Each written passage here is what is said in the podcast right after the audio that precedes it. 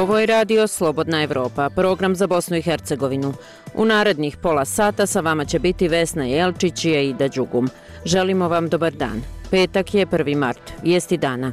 Bosna i Hercegovina obilježava Dan nezavisnosti. Dan nezavisnosti obilježen odavanjem počasti žrtvama genocida u Srebrenici. Stotine ljudi na oproštaju od Novaljnog uprko s velikom prisustvu policije. Predsjednik Republike Srpske Milorad Dodik izjavio je da će srpski narod uvijek biti na strani Rusa, čak i ako Rusija uradi nešto pogrešno. Ujedinjene nacije traže nezavisnu istragu o smrti palestinaca koji su čekali isporuku pomoći. Protest poljoprivrednika u Parizu. Traktori bale sjena kod triumfalne kapije. Vrijeme sutra oblačno s kišom i lokalnim pljuskovima. Najviša dnevna temperatura od 9 do 16, na sjeveru i sjeveroistoku do 19 stepeni. U emisiji između ostalog poslušajte. Šta građani Unsko-Sanskog kantona kažu o značaju dana nezavisnosti BiH? Veoma mi je drago što se u njoj rodila zato što je veoma jedna lijepa država u kojoj bi mnogi voljeli da žive.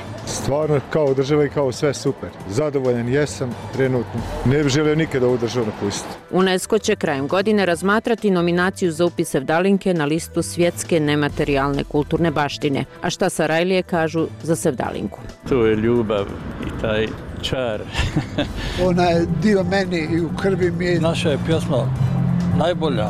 Gde god uvijek je bilo kroz Bosnu ne pjeva. Tako da to samo treba održati. Ostanite sa nama. Slušate radio Slobodna Evropa. Bosna i Hercegovina obilježava Dan nezavisnosti. Na ovaj dan, prije 32 godine, održan je referendum kada se većina bosanaca i hercegovaca glasanjem izjasnila za demokratsku i nezavisnu državu. Kako se obilježava u Bosni i Hercegovini, poslušajte u prilogu Milorada Milojevića. Od podizanja zastave na Humu u Sarajevu do odavanja počasti i polaganja cvijeća širom Federacije BiH obilježava se dan kada se većina bosanaca i hercegovaca na referendumu odlučila za nezavisnost. Ulice glavnog grada Bosni i Hercegovine, Sarajeva i drugih gradova okićene su državnim zastavama, ali vlasti u Republici Srpskoj osporavaju ovaj datum i u tom entitetu se Dan nezavisnosti ne obilježava. U svojoj čestitki za Dan nezavisnosti predsjedavajuća državnog savjeta ministara Borjana Krišto poručila je kako ovaj praznik treba biti podsjetnik na zajedničko djelovanje i predanost izgradnje bolje, sigurnije, prosperitetnije države jednakopravnih konstitutivnih naroda i drugih građana građana. Danas, 32 godine poslije, čvrsto smo uvjereni u uspjeh Bosne i Hercegovine na evropskom putu i iščekujemo službeno otvaranje pregovora BiH sa Evropskom unijom, poručila je Krištom. Dan nezavisnosti čestitao je i ambasador Sjedinjenih američkih država u Bosni i Hercegovini Michael Murphy, poručivši kako BiH jeste i uvijek bila članica transatlantske zajednice država, te da je SAD ponosna na snažno bilateralno partnerstvo izgrađeno u posljednje 32 dvije godine. No zašto traju sporenja oko 1. marta kao dana nezavisnosti Bosni i Hercegovine? Krenimo redom. Na referendumu održanom 1. marta 1992. godine izlaznost je bila gotovo 64 od 100, a 99 od 100 građana od izašlih odabralo je izlazak BiH iz tadašnje Jugoslavije. Referendum je održan na preporuku arbitražne komisije Međunarodne konferencije o Jugoslaviji u završnoj fazi raspada bivše SFRJ. Rezultati referenduma su u parlamentu Bosne i Hercegovine prihvaćeni 6. marta 1992. godine. Članice tadašnje Evropske zajednice, kasnije Evropske unije, priznale su Bosnu i Hercegovinu 6. aprila 1992. godine. Sjedinjene američke države priznale su Bosnu i Hercegovinu dan kasnije 7. aprila. Bosna i Hercegovina je 22. maja 1992. godine primljena u punopravno članstvo Ujedinjenih nacija. Od završetka rata u BiH 1995. godine, međutim, nema političke saglasnosti oko državnog zakona o praznicima, zbog čega svaki entitet slavi različite datume kao praznike. Tako se dan nezavisnosti slavi u Federaciji BiH, gdje je neradni dan, dok u Republici Srpskoj ne priznaju taj datum. Razlog je što u Republici Srpskoj smatraju kako je referendum 1. marta bio uvod u rat, te da je Bosna i Hercegovina nastala potpisivanjem Dejtonskog sporazuma 21. novembra 1995. godine, kada je u ovom BH entitetu neradni dan. A Ustavni sud Bosne i Hercegovine odbacio je 6. jula 2017. godine apelacije dijela poslanika Narodne skupštine Republike Srpske o pitanju ustavnosti 1. marta kao dana nezavisnosti BiH i 25. novembra kao dana državnosti Bosne i Hercegovine kao neosnovane. Zahtjev za ocjenu ustavnosti obilježavanja 1. marta danom nezavisnosti i 25 novembra kao dana državnosti podnijelo je 30 poslanika u decembru 2016. godine uz obrazloženje da su Srbi diskriminisani postojećim zakonima i da se ti praznici ne obilježavaju u Republici Srpskoj. Zahtjev je podnesen nakon što je Ustavni sud proglasio neustavnim 9. januar kao dan Republike Srpske. Za radio Slobodna Evropa iz Banja Luke, Milorad Milojević. Dan nezavisnosti Bosne i Hercegovine 1. mart obilježen je i u Memorialnom centru Potočari Srebrenica. Oko hiljadu preživjelih članova porodica žrtava genocida, članice udruženja koja okupljaju majke Srebrenice, građani iz Prijedora, Kozarca, Travnika, Sarajeva, Tuzla i drugih gradova, te predstavnici institucija Bosne i Hercegovine položilo je cvijeće na spomen obilježje i odalo pošto žrtvama Srebreničkog genocida. Detaljnije će Sadik Salimović. Memorialni centar Potočari je pravo mjesto gdje treba govoriti o žrtvama i nezavisnosti Bosne i Hercegovine, rekla je za Radio Slobodna Evropa Nura Begović, predsjednica udruženja Žene Srebrenice. Pogledajte samo koji je, koji, koji je nišan i koja je ovdje žrtva, a da ne govorim kakav je zločin počinjen ovim našim najmilijim i zbog ovog današnjih dana i ovog države. Naša država je postojala od, od prije hiljadu godina i postojaće i dalje. Refija Arifagić došla je danas u memorialni centar Potočari sa grupom žena iz odjela za brak i porodicu Međlisa Kozarac. Imali smo posebno želju da, da danas, prvi dan Mart dan nezavisnosti, budemo zajedno. I to ovdje u našoj dragoj Srebrenici sa našim majkama. Da nikada ne smijemo zaboraviti naše šehide, da mi živimo sad na prostorima Bosne i Hercegovine zarad duše naših šehida koji su dali svoje živote da mi sad budemo ovdje. Dolaskom u memorialni centar Potočari, posebno na današnji dan, pokazuje se da žrtve nisu zaboravljene i da im se mora dugovati zahvalnost. Rekao je Hamdija Fejzić, predsjednik upravnog odbora memorialnog centra Potočari. Ovo obilježavanje ovdje znači da žrtve genocida, žrtve koje su dale svoje živote za odvornu Bosne i Hercegovine nisu zaboravljeni i neće nikada biti zaboravljeni. Važno je da se na ovom mjestu iskupljamo, da uh, obilježavamo i da taj način poručimo svima onima snagama koje negiraju Bosnu i Hercegovine, koje negiraju ovaj da, da, datum da se jednom osvijeste i da shvate da je ovo njihova država. 1. mart, dan nezavisnosti Bosne i Hercegovine, obilježen je danas i u Bratuncu na šehidskom mezariju Veljaci. Šura Sinanović, predsjednica udruženja žena, podrinje Bratunac. Evo danas smo se okupili za 1. mart za naš državni praznik u mezari Veljaci Bratuna gdje smo dali počaj svim žrtvama i onim, one žrtve koji su se borile da danas mi budemo slobodni na ovoj teritoriji. Kemal Ademović, predsjedavajući Doma naroda Parlamentarne skupštine Bosne i Hercegovine, boravio je danas u Bratuncu i memorialnom centru Potočari. Sa ovog mjesta poručio je. Za nezavisnost Bosne i Hercegovine svoje živote su dali mnogi bosanci, hercegovci i oni koji su danas živi i koji to nisu, svima, dakle, zahvalnost, velika, velika zahvalnost, a generacijama koje danas žive i koje dolaze da ovu nezavisnost teško stečanu da čuvaju kao zjednicu svoga oka.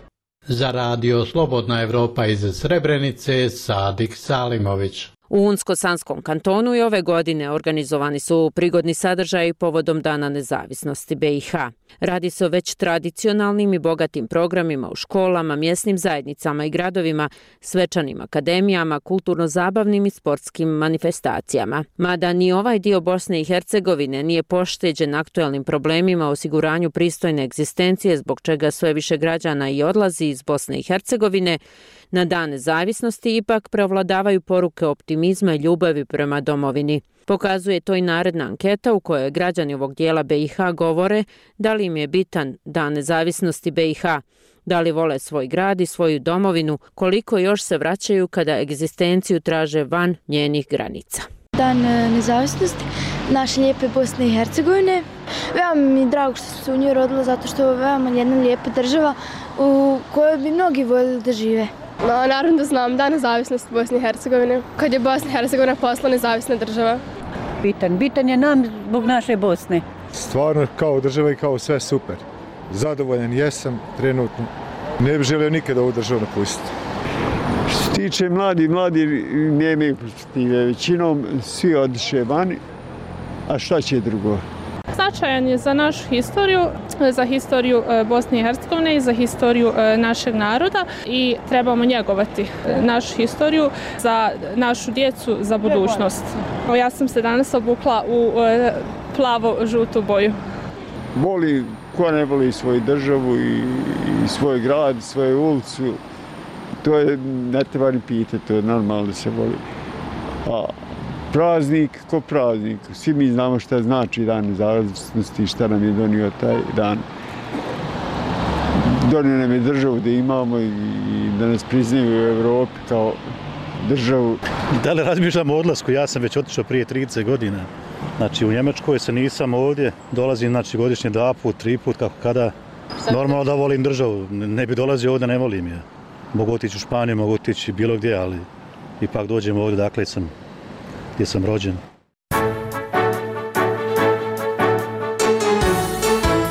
Radio koji vas nije iznevjerio.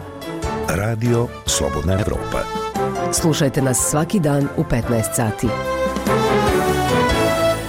Svijet se oprašta od ruskog opozicionara i kritičara Kremlja Alekseja Navalnog, koji će biti sahranjen u Moskovskom okrugu Marino, gdje je nekada živio. Ispred crkve u kojoj će biti sahranjen okupljaju se građani koji žele na taj način da odaju Navalnom posljednju počast. Tamo su prisutne pojačane policijske snage. Memorialni skupovi organizovani su u gradovima širom svijeta, od Australije do Sjedinjenih američkih država. Detaljnije u prilogu Mile Manojlović. Jake policijske snage u Moskovskom okrugu Marino kod groblja Borisovsko i građani koji uprko strahu od mogućeg hapšenja dolaze da se oproste od ruskog opozicionara i kritičara Kremlja Alekseja Navalnog. Agencija Reuters prenela je izjave okupljenih građana. Ja prijehao u Moskvu na pohom Alekseja. Došao sam ovde u Moskvu na Aleksejevu sahranu da odam posljednju počast. Meni je to važno. Mnogima je važno. Zato nisam video drugu opciju nego da dođem na sahranu. Ja ni mogla ni priti, потому što što što... Nisam mogla da ne dođem, jer mislim da ovom čoveku moram da odam posljednju počast. Da li ste se plašili? Mnogo smo se plašili, stigli smo rano i dugo smo stajali ovde skrivajući cveći i fotoaparate, ali sada shvatam da to treba da uradimo i progovorimo. Ruski servis Radija Slobodna Evropa prenosi da je ulaz na groblje strogo ograničen, pozivajući se na Ras News i Telegram kanal pod nazivom Možemo da objasnimo.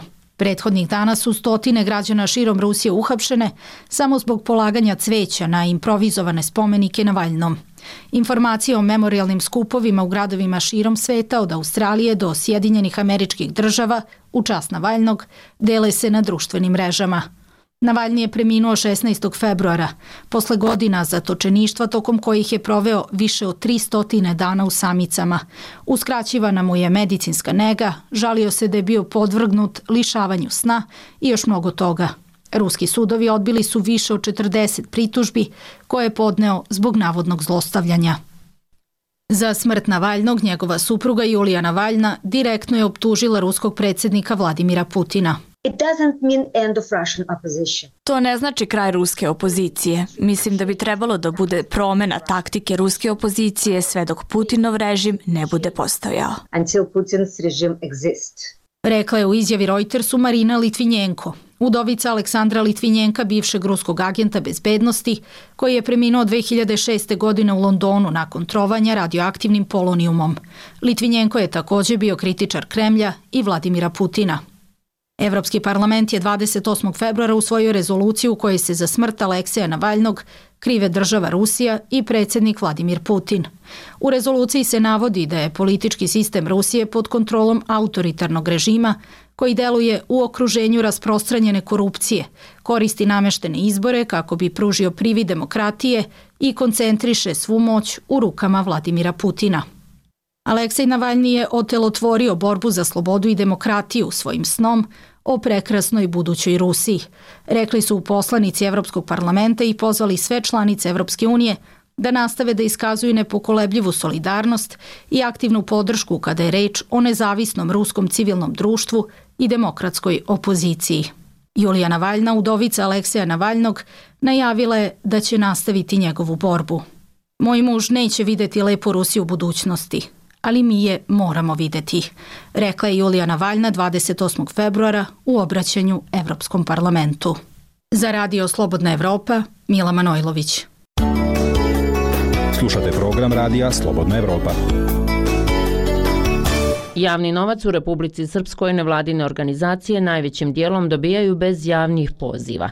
Do takvog zaključka nakon četvoromjesečnog istraživanja došli su u udruženju Toper u Doboju, gdje kažu da nije moguće precizno reći kako se godišnje potroši skoro 30 miliona maraka u svim lokalnim zajednicama u ovom bosansko-hercegovačkom entitetu. Više u prilogu Arnesa Grbešića. Predstavnici većine lokalnih zajednica u Republice Srpskoj nisu bili zainteresovani da iznesu podatke o finansiranju nevladinih organizacija, kaže Snežana Šešlija iz Dobojskog udruženja TOPR. Dakle, mi smo iskoristili sve one zakonske mogućnosti, pisali jedinicama lokalne samuprave, ukupno ih ima 64, na našu veliku žalu samo je sedam odgovorilo u prvom krugu, pa smo taj krug ponavljali jedno četiri puta, pozivajući se na zakon o slobodi pristupu informacijama i onda smo došli do zakona zaključka da tu nešto nije ipak u redu. Nije samo što se ta sredstva ne, dolje, ne dodeljuju transparentno, nego očigledno nema ni dovoljne informacije od onih koji to treba, treba da nam daju. Zvaničnici više lokalnih zajednica nisu odgovarali na naša pitanja o finansiranju nevladinog sektora. U udruženju TOPR su izračunali da se skoro 30 miliona maraka godišnje izdvaja za taj sektor. Ono što je krajnji rezultat, da mi oko 30 miliona, čini mi se da je cifra 28 miliona i nešto, dodeljujemo sredstava, a da ne znamo nikome, ni kako, niti ko je to dodelio. Govorimo na nivou sa trenutno Republike Srpske, mi smo uspjeli da otkrijemo samo 3% na koji način je to potrošeno. Ovih 30 miliona mi nismo iskreno rečeno, ne kažem da smo mi u pravu, ali mi nismo uspjeli pronaći koliko su građani Republike Srpske imali koristi od toga. Najviše javnog novca za nevladine organizacije troše Banja Luka i Laktaši. Sredstva se ne dijele na transparentan način, kaže Šešlija. S tim što opet dolazimo do iste one javno, ovaj, da mi znamo tačno kome i koliko, to je ovaj, od 3 do 5 Do podataka o trošenju budžetskog novca za nevladine organizacije, ovo udruženje nije uspjelo doći ni u Doboju. Ja u Doboju nemam ni jednu informaciju, nažalost. E, nismo uspeli da nađemo ni na web stranici, nismo uspeli ni da dobijemo ovaj, informaciju koje su to, ne, govorimo ja o informaciji koja je transparentna, koje su to organizacije civilnog ovaj društvo, odnosno nevladne organizacije koje su dobile, bez obzira da li javno ili ne, koje su dobile sredstva, sve što bih rekla nije, nije e, potkrepljeno dokaz. Dobojsko udruženje TOPR će sa međunarodnim i domaćim institucijama tražiti da se sistemski uredi finansiranje nevladinog sektora javnim novcem, kaže Snežana Šešlija iz ovog udruženja. Mi ovakvim načinom otvaramo vrata i korupciji i toj nekoj malverzaciji koja je često možda čak i gora od korupcije, jer vi kroz tu malverzaciju organizaciju oštetite i građane oštetite i nevladinu organizaciju, na kraju krajeva vi nemate nikakvu korist, a novac potrošen iz budžeta i onda ne možete čak ni rukom e, da, da uprete prstom i da optužite nekoga ko je uh, upropastio ta sredstva. Najbitnije nam je znači da kroz instituciju rešimo ovaj problem, da li će Skupština ili će vlada doneti ne, neku uredbu, ali uglavnom to se mora uraditi. Iz Doboja za radio Slobodna Evropa, Arnes Grbešić.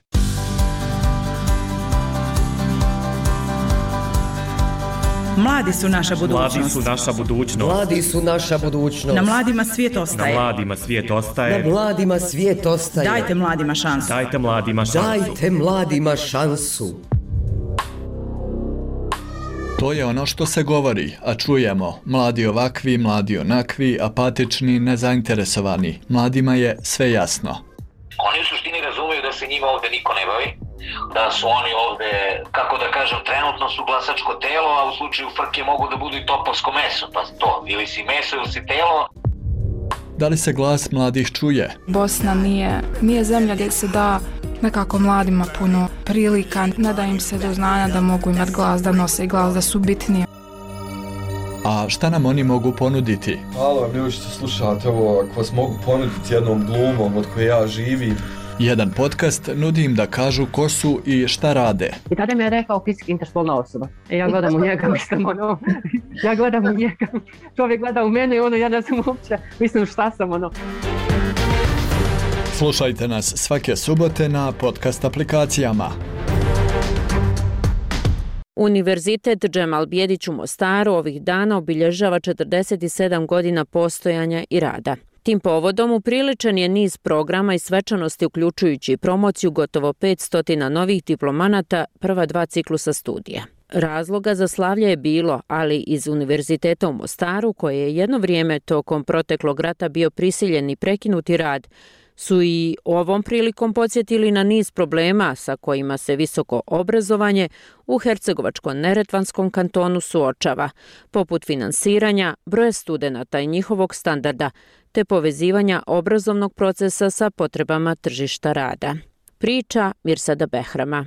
Svečano otvaranje sportske dvorane promocija izdavačke djelatnosti, zatim međunarodnih i međuuniverzitetskih projekata, kao i doktora nauka, samo su neki od programa održanih u povodu obilježavanja 47. godišnjice rada Univerziteta Džemal Bijedić u Mostaru. Rektorica, profesor dr. Alena Husein-Begović, osvrnula se na rezultate u protekloj godini, uzmajući u obzir sve probleme u društvu, ali i u oblasti visokog obrazovanja. Po meni najznačajnije je da nismo imali pad broja upisanih studenta prethodnih nekoliko godina.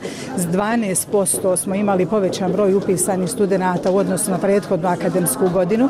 Na Univerzitetu Džemal Bjedić u Mostaru studira oko 5000 studenta upisanih na gotovo 50 studijskih programa na tri ciklusa studija. Održana je i promocija 493 diplomanta koji su završili studij na prvom i drugom ciklusu.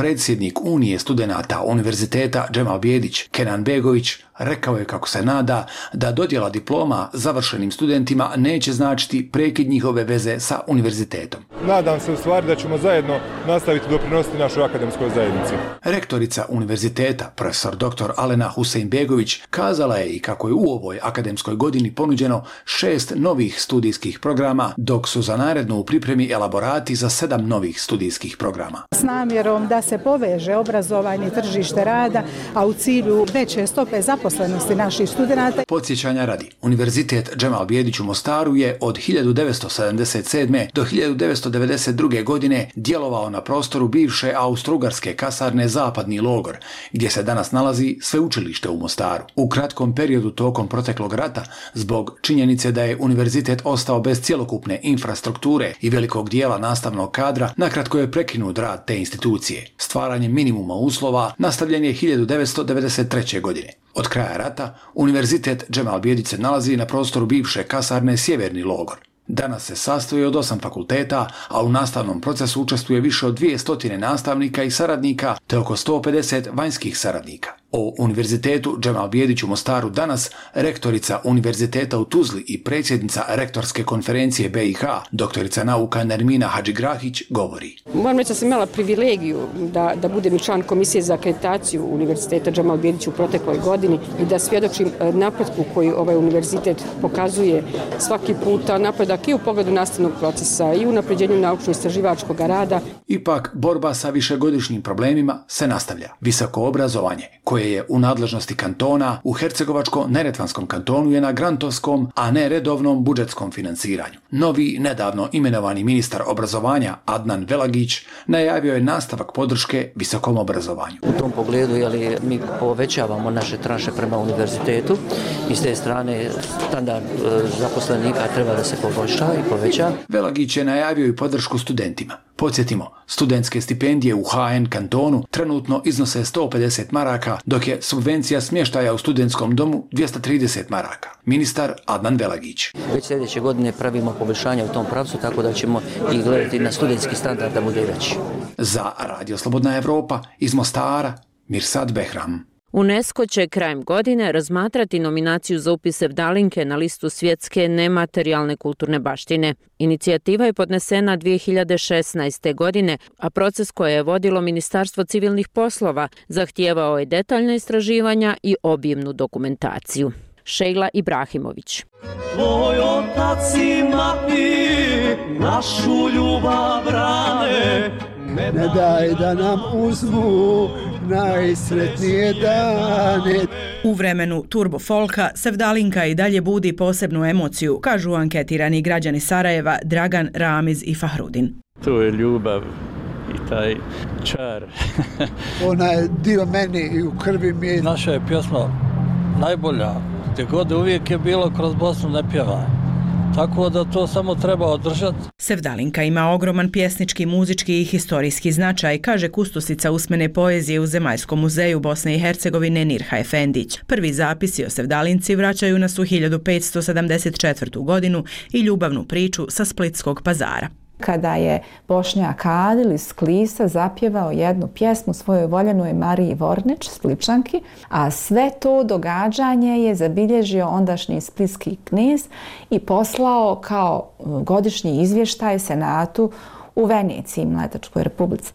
I Mnogo godina kasnije, u 19. vijeku, hrvatski književnik Luka Botić je našao te spise, prepjevao na nama razumljiv jezik pjesmu koju mi smatramo da bi mogla biti sevdalinka. Muslimanska gradska pjesma, kako se spominje u starim zapisima i enciklopedijama, naziv je dobila krajem 19. vijeka po turskoj riječi sevda, odnosno ljubav. Iz tog perioda su i zapisi češkog istraživača Ludvika Kube, koji je u dogovoru sa tadašnjim direktorom Zemaljskog muzeja Kostom Hermanom sakupio neprocijenjivu bazu pjesama širom Bosne i Hercegovine, kaže Kustosica Efendić. To njegovo istraživanje urodilo je rezultatom od zabilježenih preko hiljadu pjesama sajedno sa tekstovima i njihovim napjevima koji su arhivirani. Priprema nominacije Sevdalinke na UNESCO-vu listu nematerijalne kulturne baštine započela je 2016. godine na inicijativu Udruženja muzičkih umjetnika iz Tuzle, prisjeća se Ramiza Milkunić, predsjednica udruženja. Uvijek smo gledali da jednu stepenicu napravimo više. Svi govore o Sevdalinci, svi je vole nekako, evo jednom riječu, puno duše brižnika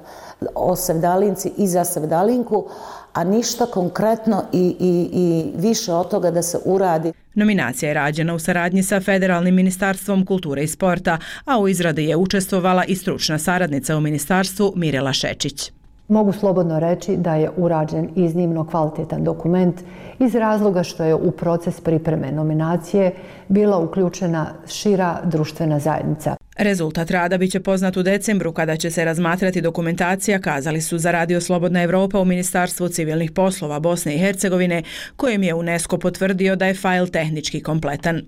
Nematerijalnu svjetsku baštinu čine običaj, događaj, vještine i zanati, a konvencija o zaštiti usvojena je 2003. godine, kaže Vesna Isabegović, savjetnica u Muzeju Istočne Bosne u Tuzli. Uništavaju se građevine, uništava se materijalno nasljeđe, međutim, nematerijalno nasljeđe ono ono što narodi nose sa sobom i što je vječno. Upis na listu baštine bio bi veliki doprinos svjetskoj kulturi, dodaje Isabegović. Smatram da je ovo zaista jedan veliki ispit da se nešto što nas povezuje, a ne samo nešto što stvara razlike između nas, da se to nešto kao što je Svedalinka nađe na listi reprezentativnoj listi nematerijalnog naziva čovječanstva. UNESCO-va konvencija koju je Bosna i Hercegovina ratificirala 2008. godine posebnu pažnju poklanja očuvanju baštine u matičnoj zemlji, podsjeća Mirela Šećić, stručna savjetnica u Federalnom ministarstvu kulture i sporta.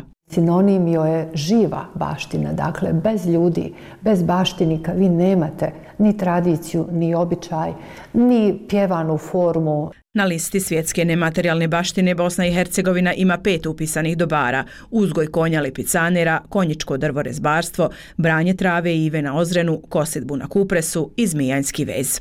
Za Radio Slobodna Evropa iz Sarajeva, Šejla Ibrahimović.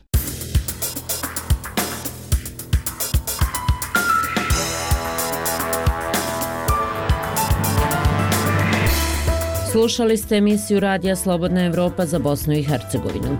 Sve naše sadržaje možete naći na web stranici slobodnaevropa.org. Sa vama su u proteklih pola sata bile Vesna Jelčić i Aida Đugum.